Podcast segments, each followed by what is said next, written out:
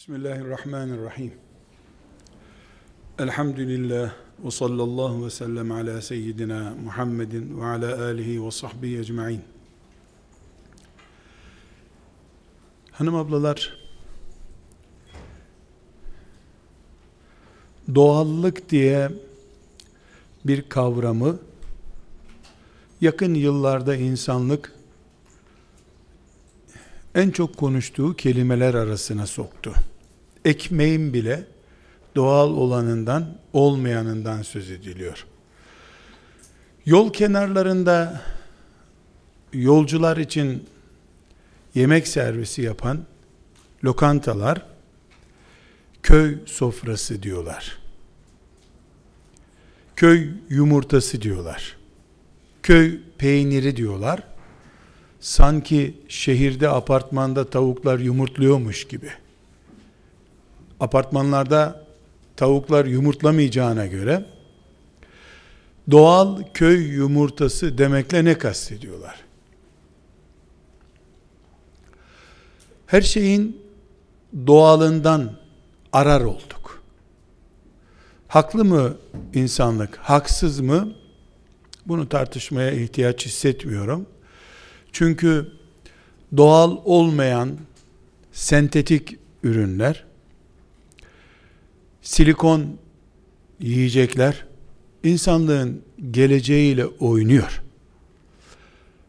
İnsanlar yedikleriyle sağlıklı bir hayat yaşamaları gerekirken yedikleri, içtikleri yüzünden hastanelik oluyorlar. Bundan 80-90 sene önce tüberküloz diye bir hastalık bütün insanlığın ve özellikle de fakir ülkelerin en yaygın hastalığıydı. Neydi bu hastalığın özü? Gıdasızlık, bakımsızlık, yiyecek bir şey bulamamak ve sonunda verem denen hastalığa mahkum olmak. Şimdi bir asırdan az bir zaman geçti. İnsanlık hastaneye şöyle bir ziyarete bile gitsen bir doktor arkadaşını hemen diyet listesi veriyorlar. Çok yeme. Çok yeme ne olursun. Bir dilim peynir bul ye diyorlardı 100 sene önce. Şimdi ise çok yeme. Doğal ürün ye. Köy ekmeği ye.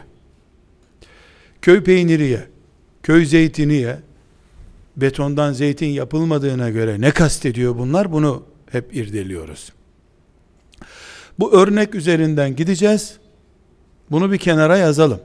100 sene önce insanlara bir dilim peynir yesen düzelirsin. Bu tüberküloz bakımsızlıktan kaynaklanmış diyorlardı. Şimdi ise insanlara çok yiyorsun. Zayıflaman lazım. Kilon fazla. Yağ bağlamışın. Eskiden insanların göbeği yağ bağlardı. Şimdi kan da yağlanıyor. İşte filan kolesterol çeşidi çıkıyor ortaya. Ya kan yağlanır mı hiç? Araba gibi olmuş insanlık. Arabanın da motor yağı eskiyor ve işe yaramaz hale geliyor gibi kan da yağlanıyor. Kanı yağlanıyor. Göbek yağ bağlıyordu. Yanakları yağ bağlıyordu. Gerdan tutuyordu insanlar. Kan bile yağ toplayacak kadar gıda fazlalığı var. Ama orijinal olmadığı için gıda, doğal olmadığı için, katıklı olduğu için. Doktor bir çocuğu filanca hastalıktan hastaneye götürünce sanki kanun maddesi gibi hemen annesi bu çocuğa Ev yiyeceklerinden yedir tamam mı? Ambalajlı bir şey yedirme. Zehir yedirme der gibi ambalajlı bir şey yedirme. Okul önlerinde ürün almasın. Annesinin yaptıklarını yedirsin. Sanki annesi toprağın altından özel mamulat mı getiriyor? O da ambalajlı şeyleri açıp tabağına koyuyor çocuğun. Bundan bile fark aranmaya çalışılıyor. Bir yüz sene içinde insanlığın dönüşümü tüberkülozdan oboziteye olmuştur. Açlık sorunundan fazla yeme sorunu diye bir soruna intikal etmiştir. O zaman da insanlar yiyoruz içiyoruz diyorlardı. Şimdiki insanlar da yiyoruz içiyoruz diyorlar. Yeme içme aynı bir doğallık farkı yüzünden insanlık obozite olmuştur. Yedi için ölecek hale gelmiştir insanlık. Yediği için ölüyor. Ama bütün insanlığın gündeminde birleştirilmiş milletlerin gündeminde de açlık diye bir gündem hep bekler durur. Bir anda Afrika'da şurada burada açlık sorunu diye konferanslar yapılır. Diğer yandan da tokluk sorunu diye tıp araştırmalar yapar. İnsanoğlu zayıflatıcı, iştah kesici şeyler üzerinden araştırma yapmak zorunda kalmış. Öyle bir zamanda yaşıyoruz. Gıda üzerine konuşmayacağız. Ama gıda hepimizin gündelik ve günde birkaç defa karşılaştığı konusu olduğu için tabii olarak en iyi anlayacağımız bir başlık olsun. Doğal gıda üzerinden başlayayım dedim. Kendi başlığıma geçerken de doğal Müslümanlık Allah'ın bizden istediği Müslümanlıktır diyeceğim. Obozite Müslümanlık olur mu? Olur tabi. Obozite Müslümanlık da vardır. Şişkin, doktora mahkum, kolesterollu Müslümanlık da olur. Tıpkı gıdada olduğu gibi.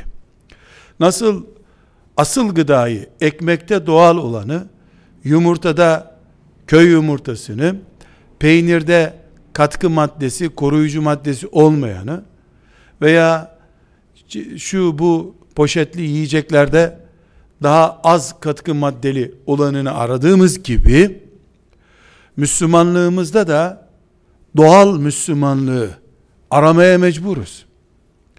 Müslümanlığın da doğal olmayanı, sentetik olanı vardır. En sentetiği Medine'de Abdullah İbni Übey İbni Selül'ün Müslümanlığıydı. Yüzde yüz sentetik, hiç doğalı yok. Petrolden yapılmış bir Müslümandı. Cehennemi boyladı gitti. Şüphesiz o düzeyde her zaman olmaz ama Müslümanlığın da sentetiği var, doğalı var, plastiği var, tabiisi var. Tabii Müslümanlık cennete götüren Müslümanlıktır. Doğal olmayan Müslümanlık yani amaçların Allah'tan başkası tarafından da gözetlendiği Müslümanlık cennetle cehennem süreci arasında gelgitleri olan Müslümanlıktır. Toplum olarak da söz konusudur bu. Fertler olarak siz hanımefendilerin bireyler olarak da sorunudur bu. Nasıl toplum olarak da abartılı yiyoruz, ekmek çok yiyoruz, işte çok kolay içiyoruz diye şikayetlerde bulunuluyorsa, asıl köy yiyecekleri yiyemiyoruz. Keşke köy yiyeceği yesek de sağlıklı yaşasak diye bazı tartışmalar üretiyorsak ve bunu toplum olarak da, fert olarak da yapma ihtiyacı hissediyorsak, aynı şekilde Müslümanlığımızın da toplu olarak doğallığını kaybetmesi mümkündür. Resulullah deyince aklımıza 52 haftadan bir tanesinin kutlu doğum haftası diye gelmesi sentetik bir Müslümanlıktır. Doğal Müslümanlık değildir. Resulullah deyince aleyhissalatü vesselam bir Müslümanın bir toplumun aklına da Allah'ın yaşamamız için koyduğu model isim geliyorsa ve 52 haftayı yansıtıyorsa bu da köy tarzıdır. İşte köy yumurtası denen şey budur. Camiler yapı olarak çoğalıyor. İmam Hatip liseleri sokak başı düzeyine yayılıyor. Müslümanlar bir elif cüzü bulup Kur'an öğrenemedikleri zamandan Türkiye'de en çok satılan basılı kitabın mushaf olduğu zamana gelmişler. Bu ashab-ı kiram zamanında böyle bir şey olsaydı yani dünyada en çok basılı, satılı ve her yayın evinin istediği kadar basıp satabildiği ve Ramazanlarda yetişmeyen bir kitap Musaf olsaydı ashab-ı kiram zamanında alimallah develeri bile Müslüman yapmışlardı. Değil Rumları, Paris'i veya o zamanki mamur olan diyarı hayvanları bile Müslüman yapmışlardı. Bu imkanı bulsalardı.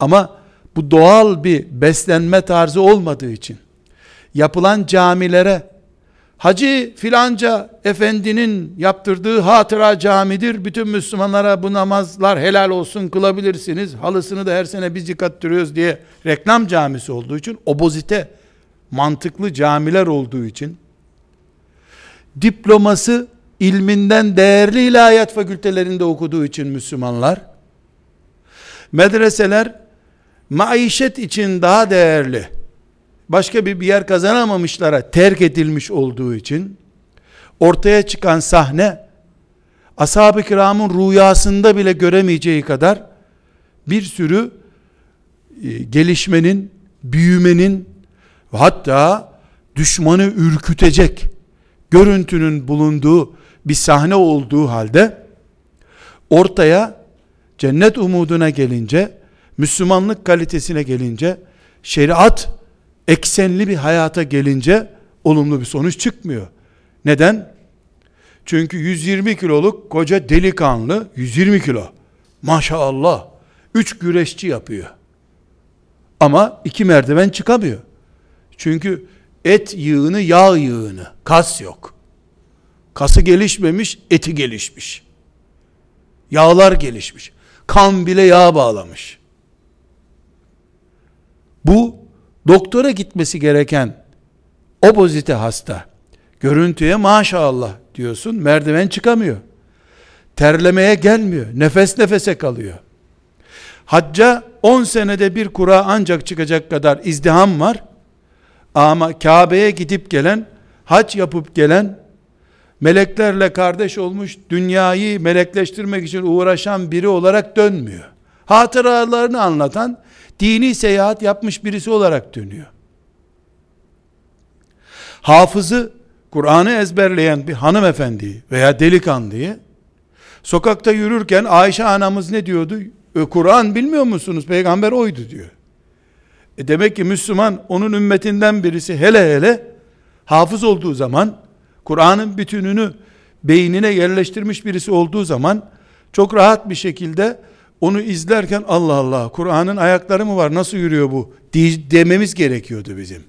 Mükemmel Kur'an'ı baştan sona okuyor. Ters okuyor, düz okuyor. Sorduğuna cevap veriyor. Ahlaka gelince Kur'an'la ilgi yok. Ticarete gelince ilgi yok. Söz verince herkesten önce sözünden cayıyor. Halbuki Kur'an sözden caymayı reddediyor. Münafıklık sayıyor. Gibi. Yani en çarpıcı en kolay anlaşılır örnekleri zikretmeye çalışıyorum. Doğal yumurta, köy yumurtası ile en çarpıcı örneği vermeye çalıştığımız gibi. Ekmeğin doğalı mı olur canım Allah Allah? Ekmek zaten buğday. Buğday petrolden yapılmadığına göre doğal ekmekte şu ekmek bu ekmekte hepsi köydeki tarlalardan çıkarılmış buğdaylarla bize ulaştırılıyor diyemiyoruz. Bir kalite arayışındayız. Ben de bu ekmekten madem gıdada örnek verebiliyoruz.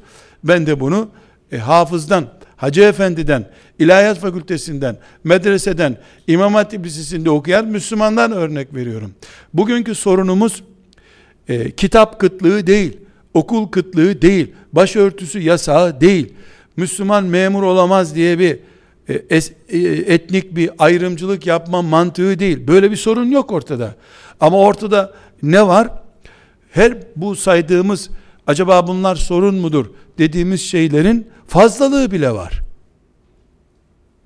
Koyacak yer bulamayacağız neredeyse. E, İmam Hatip liselerinde yer bulunamıyor. Şartlarımız o kadar güzelleşti elhamdülillah. Ama buna rağmen Müslüman Müslümanla evlenince huzur bulamıyor. Müslüman Müslümanla şirket kurunca sürdüremiyor. Müslüman Müslümanla iki hanım arkadaş, beş hanım arkadaş Müslümanca bir arada durduklarında acaba bu benim sırrımı yayar mı, yaymaz mı diye endişesini gideremiyor.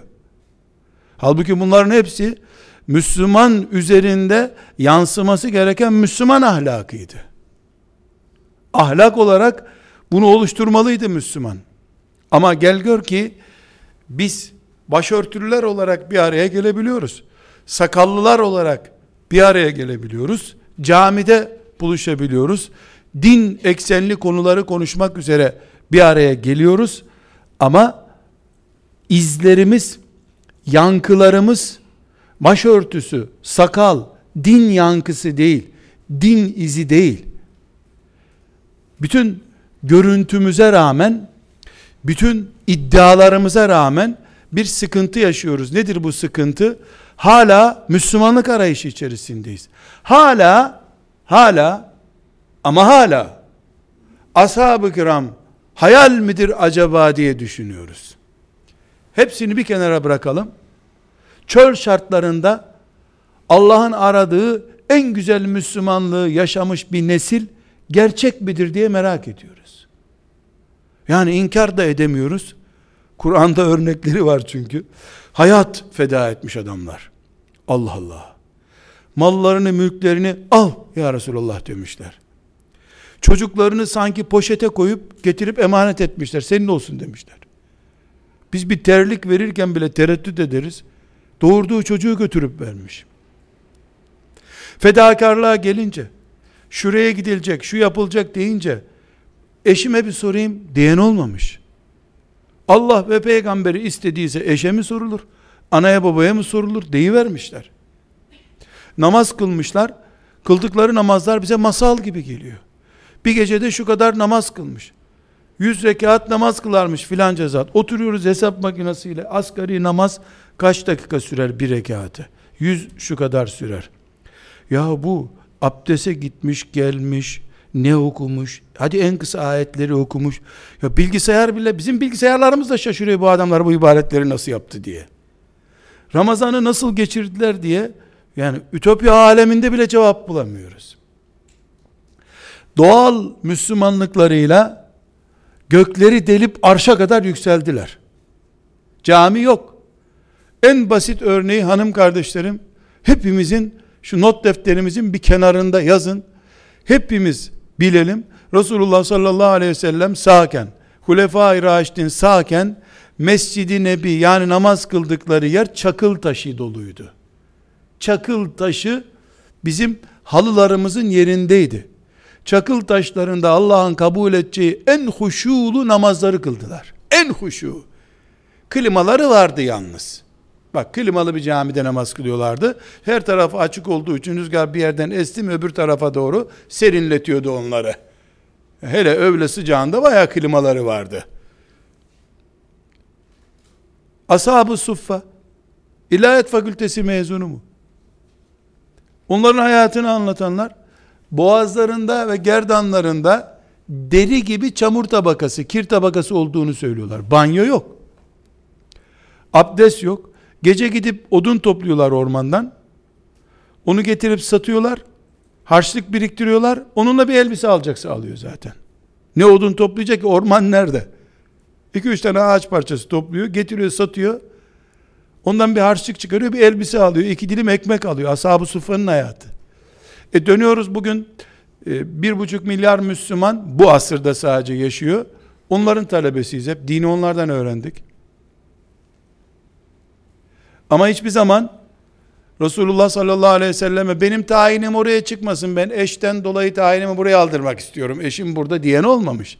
Nere tayini çıktı? Yemen'e. Yemen onun en doğal diyarı. Nereye tayini çıktı? Çölün bir köşesine. Babasının toprağıymış gibi oraya gidiyor. Bu doğallık işte bugün ihlas dediğimiz kelimedir. Şimdi ihlas konuşması yapabiliriz.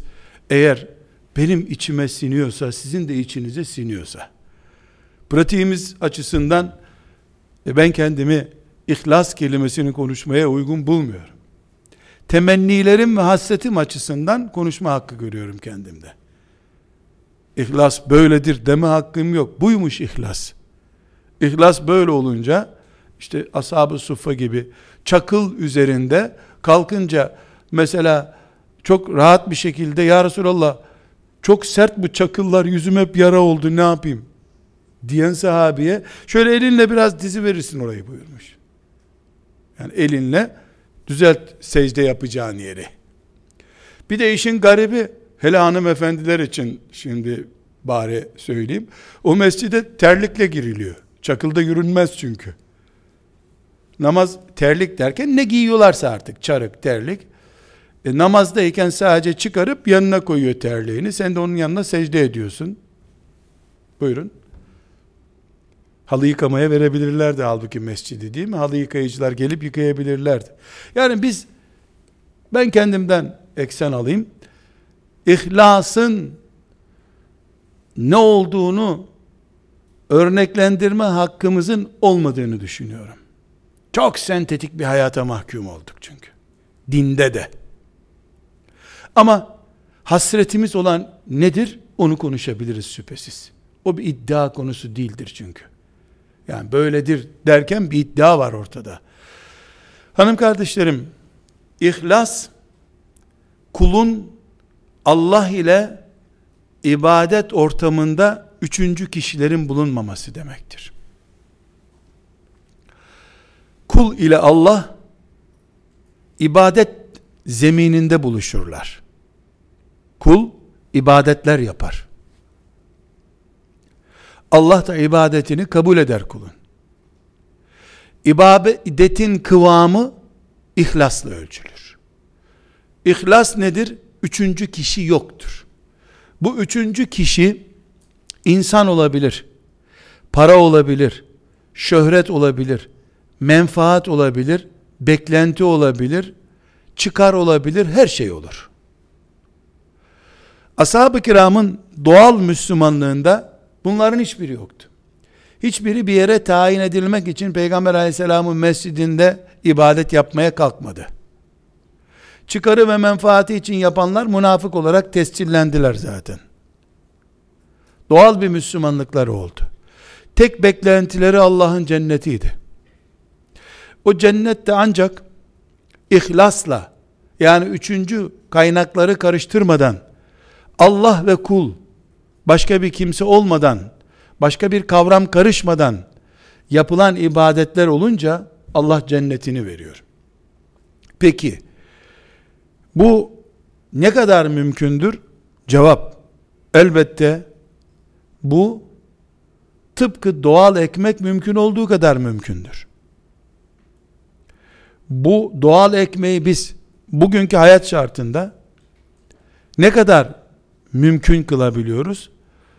E yüzde şu kadar. 500 sene önce ne kadardı? Yine yüzde o kadardı. Doğal buğday elde etmek için hayvan gübresini de tarlaya atıyorlardı. Doğallığa, yüzde yüz doğallığın engeli çok. Toprak tek başına kaldığında, ona gübre atmadığında, ona su vermediğinde, çok cılız bir buğday veriyor, bir günlük ekmek bile çıkaramayabilirsin. Ama hiçbir zaman tehlike oluşturacak boyutta olmamıştı bu katkı. Yani yüzde elliyi geçmemişti. Yüzde yirmisi gübreden oluşuyordu. Şimdiki sorunumuz bizim doğal ekmeğimizin yüzde yetmişinin katkı olmasından kaynaklanıyor. Eğer biz jelatinsiz yoğurt yiyemiyorsak bundan rahatsızız. Yoksa önceki ineklerin sütleri şu kadar oranda yağlıydı. Şimdikiler bu kadar oranda. Çok bir sorun değil bu. Ama şimdi yoğurt peynir gibi görünsün diye jelatin katıklı bize verildiği için sorun yaşıyoruz biz. Ashab-ı kiramın ibadetleri de sıfır riyalı, sıfır karışımlı, yani yüzde yüz ihlaslı mıydı sorusuna evet diyemiyoruz. Çünkü Allahu Teala toprağa böyle bir üfürüyorsun, istediğin gibi buğday veriyor sana şeklinde bir kanun koymadığı gibi, illa ona bir katkı vereceksin de sana e, buğday verecek şeklinde bir kanun koyduğu gibi, yaşadığımız Müslümanlık içinde iman ettin, tövbe ettin, bir daha da bu sürece girmek istemiyorsun, e, ciddisin. Tamam bundan sonra senin ihlas sorunun yok. Böyle değil. Böyle olması mümkün değil. Böyle bir vaadi Allah'ın hiçbir kuluna yoktur. Belki peygamberler bundan müstesnadırlar. Peygamberlerin dışında aleyhisselam hiçbir insan ihlas konusunda yüzde yüz garantili değildir. Ashab-ı kiramın da mücadelesi vardı. Mücadele edip dik durmaya çalıştılar. Allah onlardan razı olsun. Ama sorun nerede? İbadetteki saflık oranı hiçbir zaman yüzde ellinin altına düşmedi onlarda. Onun için sahabi oldular zaten. Biz saflık oranını yüzde ellinin üstüne çıkarmaya çalışmak zorunda kalıyoruz. Bizim beklentilerimiz, katkımız, doğallığımızı öldürüyor. Bugün ihlas arayışımız bizim. İhlaslı mümine hanımefendiler olmak, ihlaslı mümin erkekler olmak, ilim tahsil ederken ihlas, namaz kılarken ihlas, oruç tutarken ihlas, sadaka verirken ihlas, hizmet ederken ihlas, gelip burada konuşurken ihlas, dinlerken ihlas, ihlas her yerin konusu. Neden? Çünkü bir konuya cevap bulmamız lazım. İbadet nedir? Eğer camide namaz kılmaksa bu Hristiyanlık anlayışı. Kilisede pazar günü gelip ilahi okudun mu iyi dindar oluyorsun. Cami Müslümanların bütünü değildir. Beşte biridir. Oruç camide tutulmuyor ki. Hac camide yapılmıyor ki. Zekat camide verilmiyor ki. Kelime-i şehadet hayatın her yerinde. İslam namaz ve camiden ibaret değildir. İslam ticarete helaller ve haramlar koymuş mu? Koymuş. O zaman ticarette de İslam var. Yani ticarette de kulluk var. Evliliği serbest bırakmış mı İslam? İsteyen istediğiyle evlensin, boşanan boşansın, gerisine karışmıyoruz. Demiş mi İslam? Evliliğin kurallarını koymuş. Boşanırsan kurallar koymuş. E demek ki evlenmek de ibadet. Evlenmek de Allah'a göre yapılıyor. Yemek yerken insanlar keyfine göre yiyebiliyorlar mı? Ne isterse yiyor. Helali var, haramı var. Az yemek, çok yemek diye kurallar var. O zaman yemek yemek de bir ibadet çeşidi. Yani hayat nerede yaşanıyorsa, Müslüman nerede nefes alıyorsa orada ibadet yapıyordur. Evet biz namazı en lüks, en saf ibadet olarak görüyoruz. Mesela ticareti ikinci derecede ama ibadet görüyoruz. Çünkü neden? Ticaret yaparken, ziraat yaparken, seyahat yaparken, arkadaşlık yaparken, bir arkadaşla çay içerken, beş arkadaş, beş hanım arkadaş birleştiniz, çay içiyorsunuz. Ben arkadaşlarımla çay içiyorum, süt içiyorum. O esnada Allah'ın murakabesi ve denetlemesinin dışında kalabilir miyim? Çay içenlere karışmıyor Allah diyebilir miyiz? Diyemeyeceğine göre hiçbir yerde kulluğum bitmiyor benim. Her yerde kulum. Camide de kulum, Allah'ın kuluyum. Seyahat yaparken de Allah'ın kuluyum. Tarlada ziraat yaparken de Allah'ın kuluyum. Evlenip ev sahibi olup çamaşır ve bulaşık yıkarken de Allah'ın kuluyum. Allah beni hiçbir yerde yalnız bırakmıyor ki, tek bırakmıyor ki. E kulsam ben ve Allah da benden karşı refleksimi bekliyorsa o zaman benim tepkim, refleksim, çalışmalarım kulluk standartlarında yani ibadet standartlarında olacak demektir. Ben ibadet mantığıyla yiyeceğim, içeceğim, dolaşacağım demektir. Biz camide veya evde seccademizin başında iki rekat namaz kılarken niyet ettim ya Rabbi senin rızan için sabah namazının namazın farzını kılmaya diyoruz. Böyle bir vacibi yok namazın ama içimizden bunun geçirilmesi gerekiyor. Sözlü olarak ben ne, ne düşünüleceğini telaffuz etmiş oldum şimdi.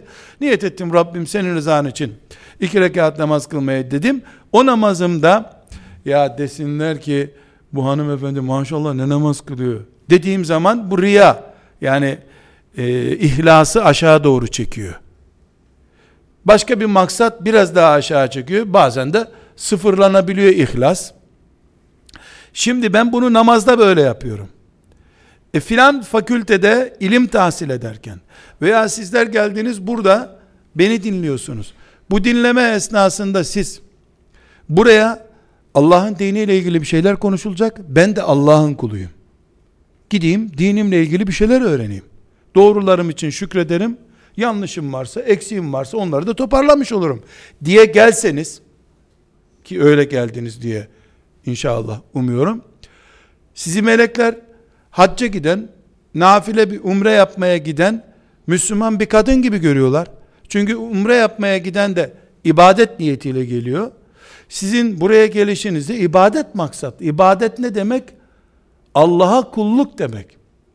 Bu Kabe'yi tavaf etmekle de olur. Şu sıralarda ders dinlemek için oturmakla da olur. Çünkü ben burada oturduğum zaman şu anda Allah'ın murakabesi dışında kaldım. Çekim alanı dışındayım. Var mı böyle bir şey? Bizim ilişkimiz telefon ilişkisi midir ki çekim alanı dışında kalacağız? Hep Allah'ın görmesi altındayız. Biz onu görmüyoruz ama o bizi çok iyi görüyor. Saniyelerimizi, nefeslerimizi tutuyor. Hesabımızı tutuyor. Melekleri kaydediyor. Her yer kulluktur. Dolayısıyla her yerde ihlas var bizden beklenen. İhlas nedir? Ben ve Allah. Başka amaç olmayacak. Bu başka amaç diploma olabilir, para olabilir, siyaset olabilir, force olabilir, gösteriş olabilir. İsim istediğimiz kadar isim koyalım. Ben ve Allah bu hayatta onun için varım. Şehit olurken de nasip olursa bir gün inşallah şehit olurken de ben ve Allah şehit oluyorum Rabbime gidiyorum. Hacca giderken de ben ve Allah, namaz kılarken de ben ve Allah, doğum yaparken de ben ve Allah, onun için doğuruyorum, ebem olur. Hastanede doktorun nezaretinde doğum yapıyorumdur. Ama maksadım, iç dünyam, beni doğuma doğru götüren şey, anne olmuş maşallah desinler diye değil. Ya da eski Anadolu kültürüyle bu kadar tarlalar kime kalacak ya? Kime kalacak?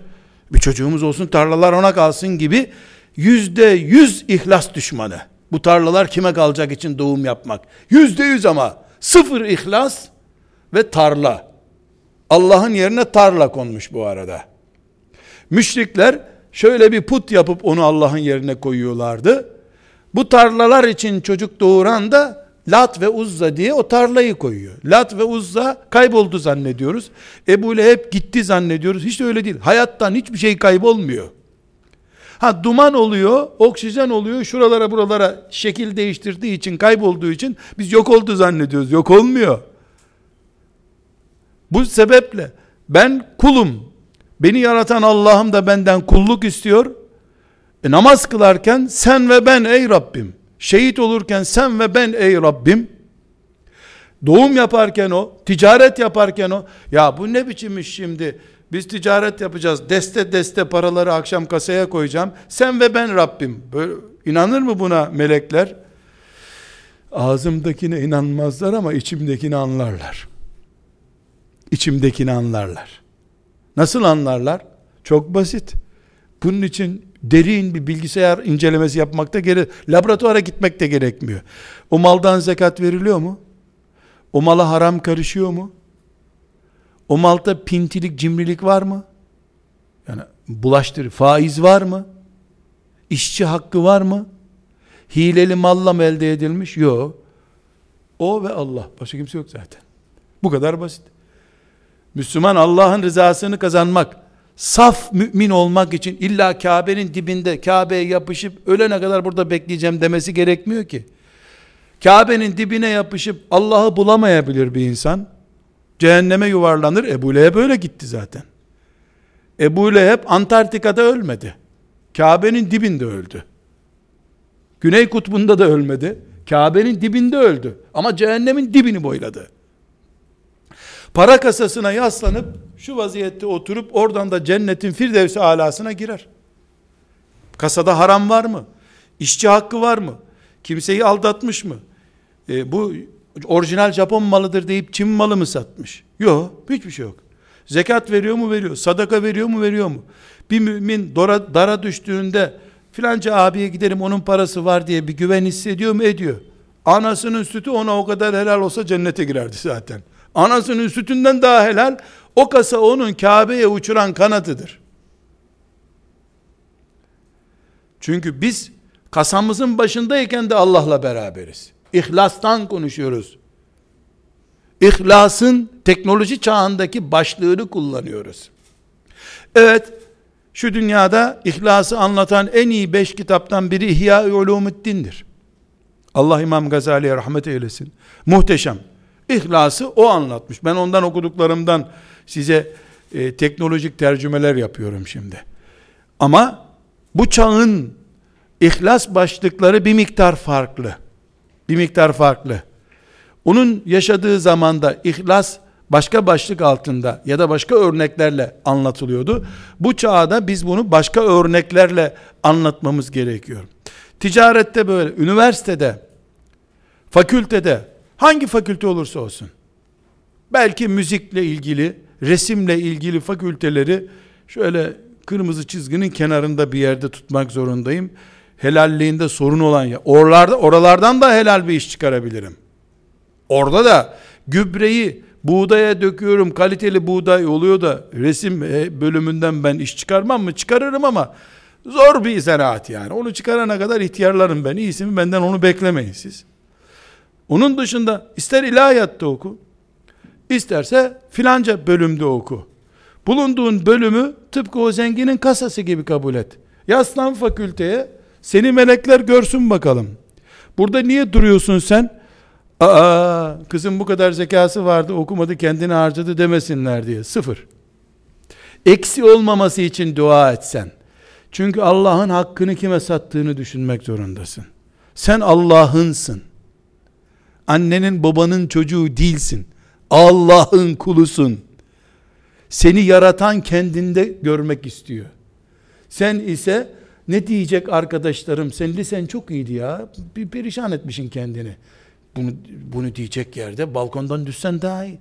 Ya senin için böyle derlerse. Bu işte eksi ihlas.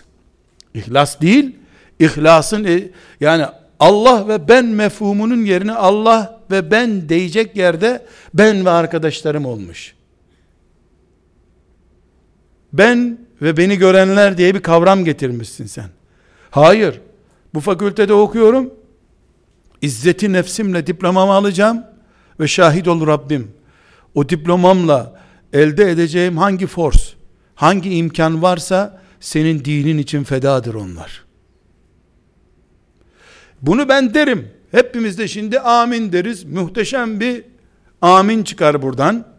Ama melekler böyle aminleri pek anlamazlar. Onlar senin sabahleyin evden çıkarken içindeki hissiyatı çok iyi anlarlar. Ümmetinin kızı mısın? Babanın kızı mısın? Eşinin eşi misin? Ümmetine kurban mısın? Bunu çok iyi anlar onlar. İşleri bu zaten. Binlerce senedir bu denetlemeyi yaparak ömür geçiriyor melekler.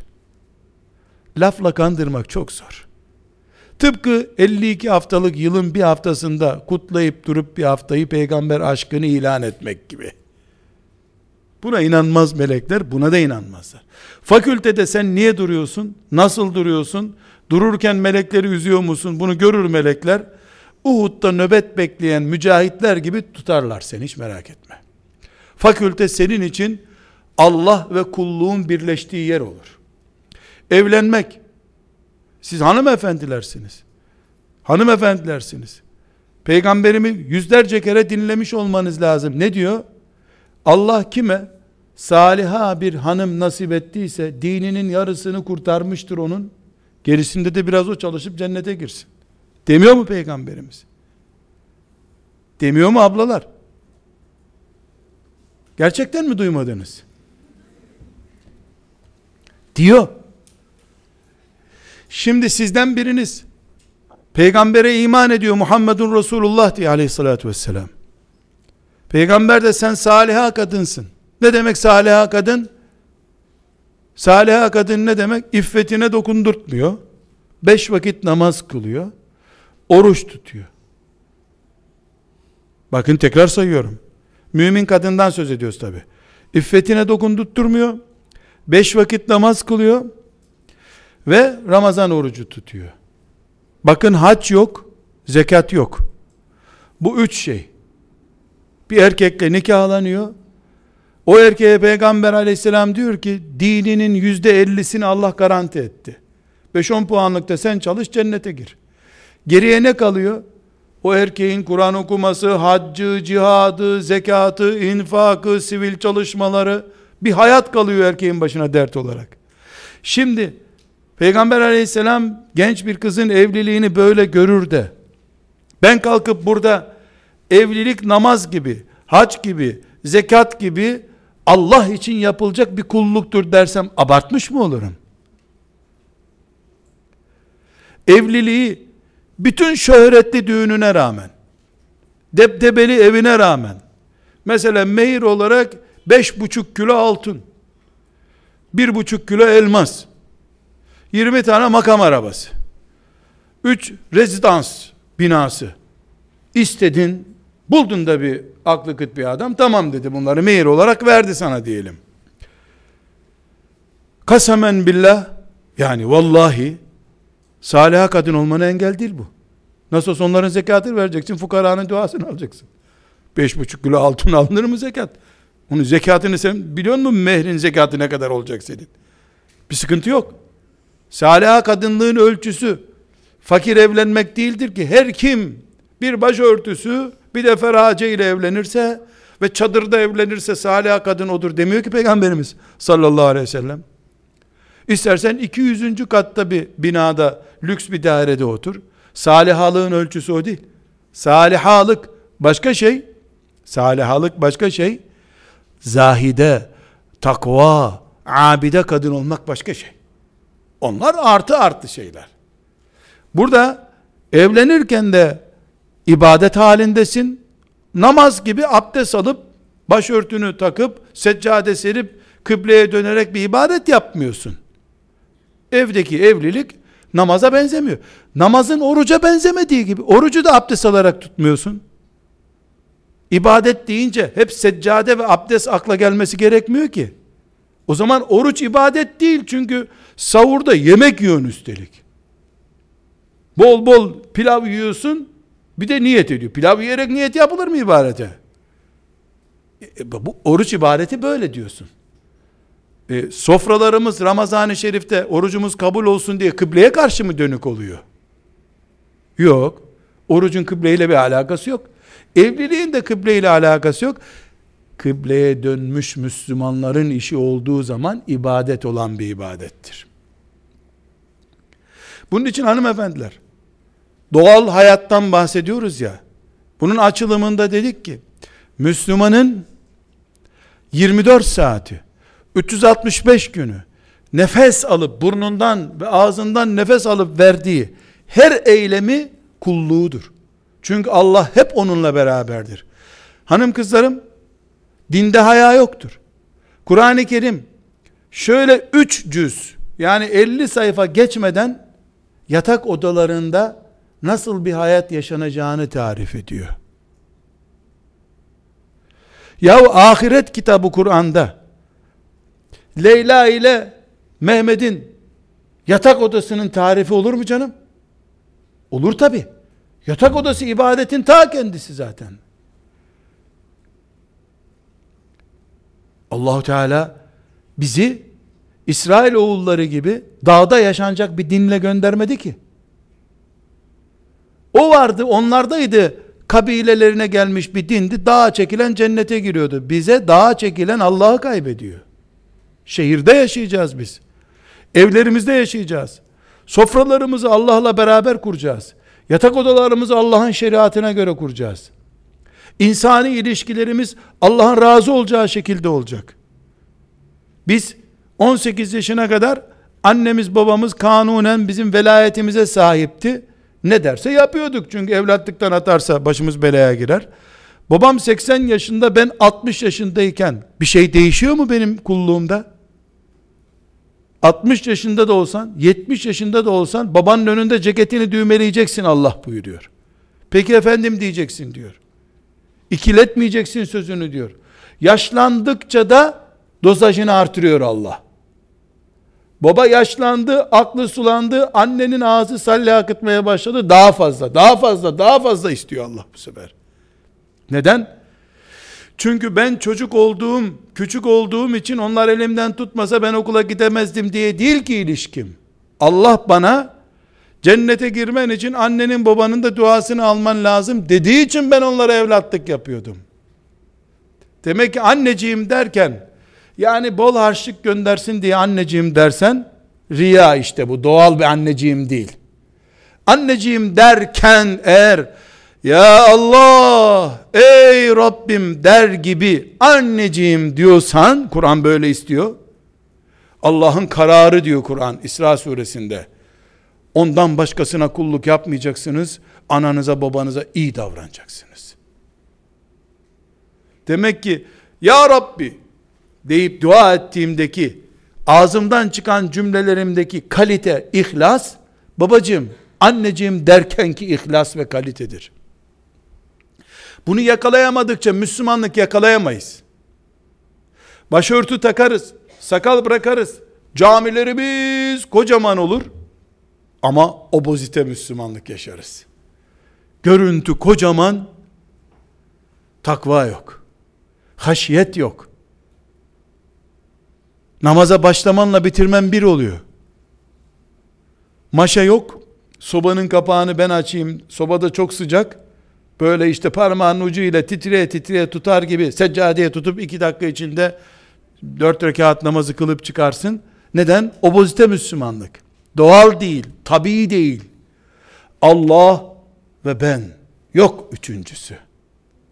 Nerede? Her yerde. Hatta ve hatta hanım kızlar, kadınlığın doğal örneklerinden biri olarak, bir bayanın ayna önüne geçmesi, kendini şık göstermesi sokak kıyafeti dışındaki pozisyonlarda Allah'ın şeriatının, peygamberinin sünnetinin ona tanıdığı bir hak, verdiği bir görevdir. Aynanın karşısında saçlarıyla meşgul olurken, masada çamaşırını ütülerken, bakım malzemesini alıp e, lavaboda kendisiyle ilgili bakım malzemelerini kullanırken de kulluk vazifesindesin. Neden? Allah'ın verdiği beden, bu beden Allah'ın emaneti benim değil ki diye şuurla Allah'ın emanetini koruyorum diye lavabonun karşısına geçtiğin zaman tabi ciddiyet oranını test eden melekler var yani. Herkes böyle düşündüğünü söyleyip bildiğini yapar ayrı bir konu. Ee, korsan bir görüşmeye giderken lavabonun karşısında geçen herhalde Allah rızası için yapıyorum bunu diyecek hali yok. Doğal hayattan söz ediyoruz gübrenin karışmadığı temiz toprakta, üzerinde namaz kılınabilir topraktan konuşuyoruz biz. Teyemmüm yapılabilir topraktan konuşuyorum. İtin, köpeğin, kurdun e, kirlettiği topraktan konuşmuyorum. Domuz sallası akan topraktan konuşmuyoruz. Temiz, güneş tertemiz yapmış toprağı, yemyeşil otlar bitmiş ondan konuşuyoruz. Lavabanın önünde kendi bakım malzemelerini kullanan biri de Rabbimin bedeni Rabbim bunu bana verdi. Erkek veya kadın çok da değişmez. Bedenimi ayakta tutayım diye düşündüğü zaman kulluk yapıyor. E bir koyun, bir kuzu, bir kedi, bir köpek Allah'ın emanetidir diye onu aç bırakıyorsun, günaha girersin korkusuyla kediye, köpeğe bakıyorsun da e bir Müslümanın kendisine bakması bir köpekten de mi kıymetsiz olacak? Kediden de mi kıymetsiz olacak? Kulluğumuz bizim camidedir elbette. Sadece camide değildir. Kabe merkezimizdir. Elbette sadece Kabe'miz yoktur bizim. Hayat Allah neredeyse her neredeyse Allah. Ben de nerede bulunuyorsam Allah ve ben bir araya geldik demektir iman olarak. Ve bu pozisyonum benim ticaretimden, ziraatimden, lavaboda bakım malzemelerimi kullanıncaya kadar her ne varsa bu hayatla ilgili olarak namaz da içinde, oruç da içinde, sağlığım da içerisinde, kıyafetim de içerisinde Rabbim için bir iş yapıyorum demektir. Yapmam gerekiyor demektir. E bu da beni kaliteye mecbur eder. Çünkü kalitesiz olduğu zaman Allah bunu kabul etmiyor. Yani Allah azze ve cel hem ben yani Allah hem de başkaları olsun dediğin zaman ne buyuruyor? Kimsenin ortaklığına muhtaç değilim ben diyor. Kimsenin ortaklığına muhtaç bir Allah'ımız yok ki bizim. Ya Allah olur ya da Allah için olmaz o iş. Bunun için hanım kardeşlerim, ekmeğimize müsaade ederseniz tekrar köy yumurtasına falan dönelim. Hani benim halim neye benziyor şimdi biliyor musunuz? Yol kenarlarında büyük büyük restoranlar, lokantalar, işte kocaman heykel gibi ahçı resimleri filan yani güzel yemekler var bizde. Bir de bakıyorsun küçük bir yerde köy kahvaltısı var diyor. Köy yumurtası satılır diyor. Öbürleri sanki apartmanda pişirilmiş. Hepsi köy mal. Ama bir anlam ifade ediyor. Ben şimdi burada size köy ürünleri satmaya çalışıyorum. Özeti bu. Doğal. İnsan eli değmemiş. Teknoloji kirletmemiş. Medyatik olmamış. Sentetik hale gelmemiş. Allah'ın yarattığı gibi tertemiz kalmış. Nasıl deniyorsa ben de size diyorum ki sizin Müslümanlığınız, hanımefendiliğiniz, hanım Müslümanlığınız dolayısıyla Resulullah sallallahu aleyhi ve sellemin in, getirdiği, ona indirilmiş din kalitesinde olsun. Müslümanlığınızı doğal Müslümanlık olarak yaşayın. Peki anti doğal yani bizim olmasın dediğimiz nedir? Bir, bir, Allah ve peygamber dışında hiç kimsenin etkisi olmayan Müslümanlık olacak. Müslümanlığınıza cı takısı taktırdığınız zaman sıfırlandığınız kısa devre oldunuz demektir. Nasıl bu elektrik sisteminde kısa devre olmak diye bir şey var? Hatta yangın çıkıyor. Kimsiniz siz? Biz filancalardanız. Yani filancalardan Kastamonu'da filan aileyi mi kastediyorsun? Yok. Dinin filanca grubundan. Çöktün. Kısa devre oldun sen. Allah, peygamberi ve sıfır gerisi. E biz dinimizi kimden öğreneceğiz? Ha çok basit. Ashab-ı kiramdan öğreneceğiz. Hepsinden Allah razı olsun. İmam-ı Azam'dan ve onun arkadaşlarından öğreneceğiz. İmam-ı Azam'ı gidip göremeyeceğim için, mezarından ders alamayacağım için, İmam-ı Azam'ı bize anlatanlardan anlayacağız. Eğitim sistemini papazlardan, hahamlardan, Greenwich'teki bilmem ne üniversitesinden almış, sonra da ona modern Müslümanlık diye bir kılıf bitirmiş, Kur'an'a tarihsel, peygambere zamansal diyenlerden bir şey öğrenmeyeceğiz. Saf Müslümanlık istiyoruz. Allah peygamberi bizim başımız, ashab-ı kiram blok olarak öğretmenimiz, ashab-ı kiramın talebeleri olan Ebu Hanifeler bizim sınıf hocamız, şimdiki hocalar da etüt görevlilerimiz. Ders hocamız Ebu Hanife. E şimdi İmam Hatip'te, ilahiyatta veya filan medresede onlar etütçülerimiz bizim. Bir ders ilaveleri yok. Sabah yaptığımız dersi akşam bize çalıştırıyorlar gibi katıksız Müslümanlık. C, cu, ca. Bu C'nin bütün türevleri baş belasıdır. Koyun türü, tiftik keçisi filan der gibi Müslümanın çeşidi olamaz. Kabe'si aynı.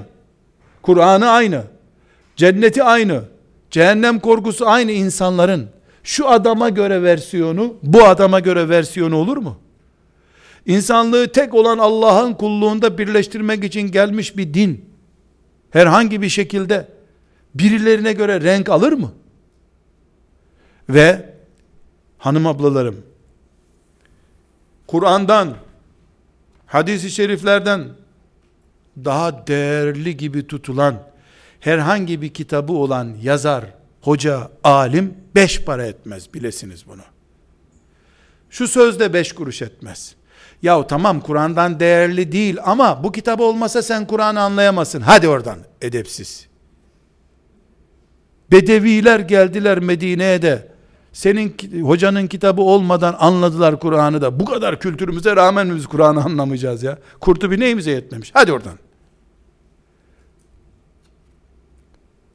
İnanmayız bunlar. Bu ihlasımız neyle bozulur onu örneklendiriyorum. İki, Müslümanlığımız Müslümanlığımız bütündür. İslam hayat dinidir. Müslümanlığımız bütündür. Biz de bütünüyle Müslümanız. Zekatı beğenmeyen Müslüman düşünebiliyor musunuz? İslam'ın filanca konusuna itirazı olan Müslüman, Müslüman olabilir mi? Evet, benim konumum, senin konumun tamamını yaşamaya engel olabilir.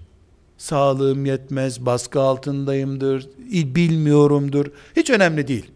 Ama inanırken İslam'ın tamamına inanırım. Uygulama arzum İslam'ın tamamı içindir. Becerime gelince becerebildiğim kadardır. Bizim hoca efendi daha çok mesela zikirle ilgilenirdi. Dolayısıyla siyasetle ilgilenmek doğru değil. Hadi oradan. Sen peygamberimin sağ kolunu alıp sol kolunu yok sayıyorsun. Kolsuz peygamberim mi var? Çolak mıydı benim peygamberim? Ne demek o? Ben gerisini yapamıyorum, yapanlardan Allah razı olsun diyorsan kabulümdür. Ya da çok iyi Müslüman olacağım diye 24 saat siyaset, 24 saat cihat, sabah namazına vakit kalmadı bu sefer. Ya sabah namazıyla senin aran iyi değil, vakit kalmıyor. Buna da Müslümanlık demiyorum. İslam hayattır. Salı günleri çok sağlıklı, çarşamba günleri hep hasta oluyor. Böyle bir hayat olabilir mi bu dünyada? Ramazanda full Müslüman, Ramazandan sonra part time çalışıyor. Böyle bir Müslümanlığı da kabul edemeyiz. Blok Müslümanız. Becerimize, fırsatlarımızın değerlendirilmesine gelince acziyetimiz olabilir. Ona bir itirazımız yok. Rabbimizin rahmetine sığınırız. Sorulduğu zaman sabah namazı boynumuzu bükeriz. Sen zikrullahla niye fazla meşgul olmuyorsun dendiğinde boynumuzu bükeriz. Sen niye Müslümanların siyasetiyle ilgilenmiyorsun dendiğinde boynumuzu bükeriz ben onu yapamıyorum diye. O yok la önemli değil o dediğin zaman sen parçalanmış Müslümanlık istiyorsun. Hainsin sen. İslam'ı parçalamaya çalışıyorsun. Bu da ikinci maddemiz.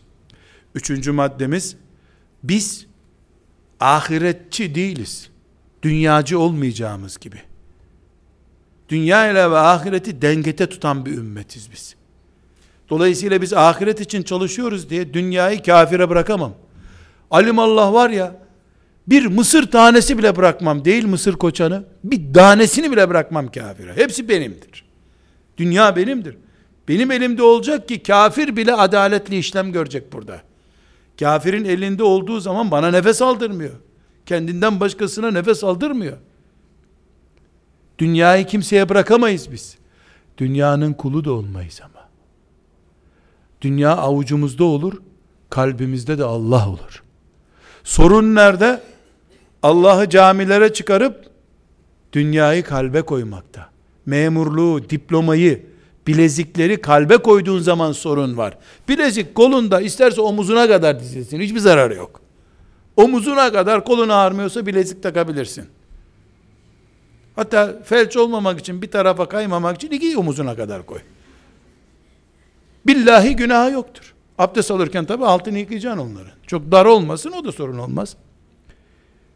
Ama bilezikleri kalbine koyup Kur'an-ı Kerim'i de masana koyarsan kıyamet burada kopuyor işte. Biz ahiretçi değiliz.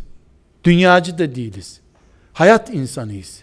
Hayatımız ahireti dünyada elde etme üzerine kurulu. Ver kafirlere dünyayı, sana cennetin yollarını tıkatırlar.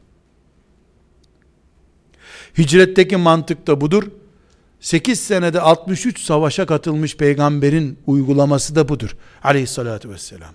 Ve dördüncü maddemiz hanım ablalar. İhlası engelleyen şeyleri konuşuyorum. İhlasımızda düşüklük ne? Ha pardon ihlas demeyecektik. Ne diyecektim? Doğallık. Kulluk da doğallık. Doğallığımızı engelleyen şeyleri konuşuyor. Siz yaştaki bilhassa hanım kardeşlerimin en büyük engeli umut sıkıntısıdır. Şeytan beceriyor. Bir kere ashab-ı kirama bir baksana utanmaz kız. Sen kim nesibe kim be? Sen tırnağı bile olamazsın. Otur oturduğun yerde. Sen dantel öl ne yapacaksan yap. Ne alakası var? Kur'an-ı Kerim bize Ebu Bekir'le yarışın demiyor mu Allah ondan razı olsun? Ebu Bekir'in peşinden gelin bile demiyor Allah. Yarışın, yarışın diyor. Geçemem. Ne biliyorsun geçemeyeceğini? Tek bir gün namaz kılmamış insanlar var. Efendimizle bir gün beraber bile durmamış. Bir saat durmuş. Efendimiz cennette gördüm bu adamı diyor. Hanginiz çıkıp bana diyebilir ki benden nesibe olmaz ben lisede başıma çıktı. Öbür nesibenin de başı açıktı Peygamber aleyhisselamı görene kadar. Sümeyye'nin başı kapalı mıydı şehitlerimizin ilki?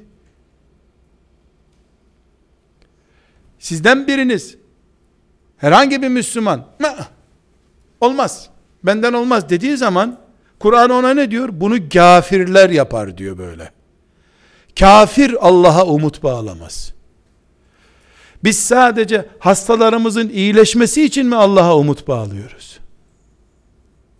Müslümanlığımızın iyileşmesi ve kaliteli olması için Allah'a umut bağlamamız gerekmiyor mu? Sahtekarlık, ikiyüzlülük, kılıbıklık yapmadığımız sürece herkesten fazla benim Allah'a umut bağlama hakkım vardır. En zor da benim. Babam layık bir ülkede doğdu. Bana da layıklık andı iştirerek eğitim yaptırttı. Örnek alacağım 10 tane Allah'ın mücahit kulu yok. Hiçbir ortam Allah'ın şeriatına göre değil. Ben Allah'ın rahmetine umut bağlamayacağım. Nusretini beklemeyeceğim de kim bekleyecek bu dünyada ya? Böyle düşüneceksiniz. Ben rahmet görmeyeceksem bu dünyada rahmeti kalktı Allah'ın demektir. Sakın umudunuzu kesmeyin. Tabi umut sakızı diye bir sakız çiğneyin demiyorum ben. Öyle bir sakız olmaz. Yüreğinizi şöyle portakal kabuğu gibi donatmış bir umutla yaşayın diyorum. Ve günlük eylemleriniz, konuşmalarınız, tavırlarınız bu umuttan kaynaklansın. Ve özellikle hanım kızlarım için son maddemi söyleyeceğim. Üzüm üzüme baka baka kararırmış atasözü. Herhalde edebiyat derslerinde falan makale bile yazmış olmanız lazım. Yani üzüm üzüme baka baka kararır sözü üzümlerle yapılmış bir anket üzerinde söylenmiş söz değildir herhalde. Çiftçilerin bir sözüdür bu. Yani ne demek bir üzüm güneşi gördü mü iki gün sonra da öbürü görecek kararacak demektir. Ama ben bu sözün yerine şöyle derdim çiftçi olsaydım o zamanlar. Kadın kadına baka baka Müslüman olur herhalde. Ya da Müslümanlığını sulandırır. Çünkü hanımlar arasında birbirlerinden etkileşim anormal derecede yüksek. Bir İmam-ı Azam'ı getirin, yüz tane hanımefendiye siyah başörtü tak kızım diye nasihat ettirin. Yani, üstelik ona saldırırlar bile farz mı, İslam'da siyah mı, işte başka renk taksak olmaz mı, filan hoca efendi olmaz dedi. Yüz kişilik grubun içinde iki tane hanım kız siyah başörtüsü taksın, bir hafta sonra yüzde ellileri bulursunuz orada. Örnek görmek istiyor hanım dünyası örnek görmek istiyor. Sadece kıyafette değil, ibadette, kıyafette, akidede, insani ilişkilerde. Pek çok hanım kızıma niye evlenmiyorsun bu yaşa kadar sorduğumda cevabı klasik oluyor. Teyzesi işte şusu busu bir sürü boşanmışı var. O boşanmışların etkisi altında kalmış. Evlenmeye korkuyor. Pek çok hanım adayı, anne adayı ne olduğunu bilmediği halde doğumdan korkar. Başkalarının masallarından dolayı. Hanımlar arasında etkileşim çok yüksek. Bir sıkıntılı bir durum değil bu. Allah narin yaratmış, hassas yaratmış. Çok basit bir çizik iz yapıyor. Bu da bize iki görev veriyor ablalar. Bir, birine kötü örnek olurken aman dikkat edin. İyi örnek olurken de içiniz açılsın. Sayende namaza başladı o da arkadaşın. Eteğini uzattı. Kısa giyiyordu, uzun giydi. Kendin giydiğinde sevindiğinden fazla sevinebilirsin. Sana yazılacak bunlar çünkü. Örnekliğin birinci boyut. İki, ne edin edin. Kendinize ashab-ı kiramdan başka hiç kimsenin kızını, hanımını örnek almayın. Bu ümmetin başı dibine yetecek kadar büyük bir ümmettir size nesibeler, sümeyyeler, Aişeler, Fatımalar yeter. Fazlasını koyacak yer bile bulamazsınız. Bilhassa kadın dünyasına ait kadın özel dünyasına ait gündemleri alırken etkilenmeye çok dikkat edin hanımefendiler. Çünkü hanım kızlarda şunu yoğun bir şekilde görüyoruz. Vallahi doğru hocam ama aması ne biliyor musunuz? Yani ürküyor. Başkalarının etkisinden ürküyor. Ona baskı oluşturuyorlar. O o baskıyı yenemeyeceğini düşünüyor. Ufkunuz Ayşelerle, Hafsalarla, Nesibelerle, Sümeyyelerle, Zeyneplerle, Hadicelerle dolu olduğu zaman sizi kimse ezemez. Siz de çünkü taklit ettiğiniz, örneklediğiniz kişilerin kopyası olacaksınız Allah'ın izniyle. Hanım ablalar doğal ekmek, köy yumurtası, tereyağı, katıksız tereyağı filan konuşurken Müslümanlığın da obozite olmasını, obozite Müslümanlık yaşanmasının mümkün olduğunu vurguladık. Doğal Müslümanlık Allah'ın bizden beklediği Müslümanlıktır dedik. Doğal olmayanının ne kadar baş belası olduğunu cıvıttığını da hepimiz gördük. Ben kendi nefsim adına, sizler adına Rabbimden niyaz ediyorum. Doğal Müslümanlığa bizi kavuştursun. Ruhumuzu da o şekilde alsın. Velhamdülillahi Rabbil Alemin.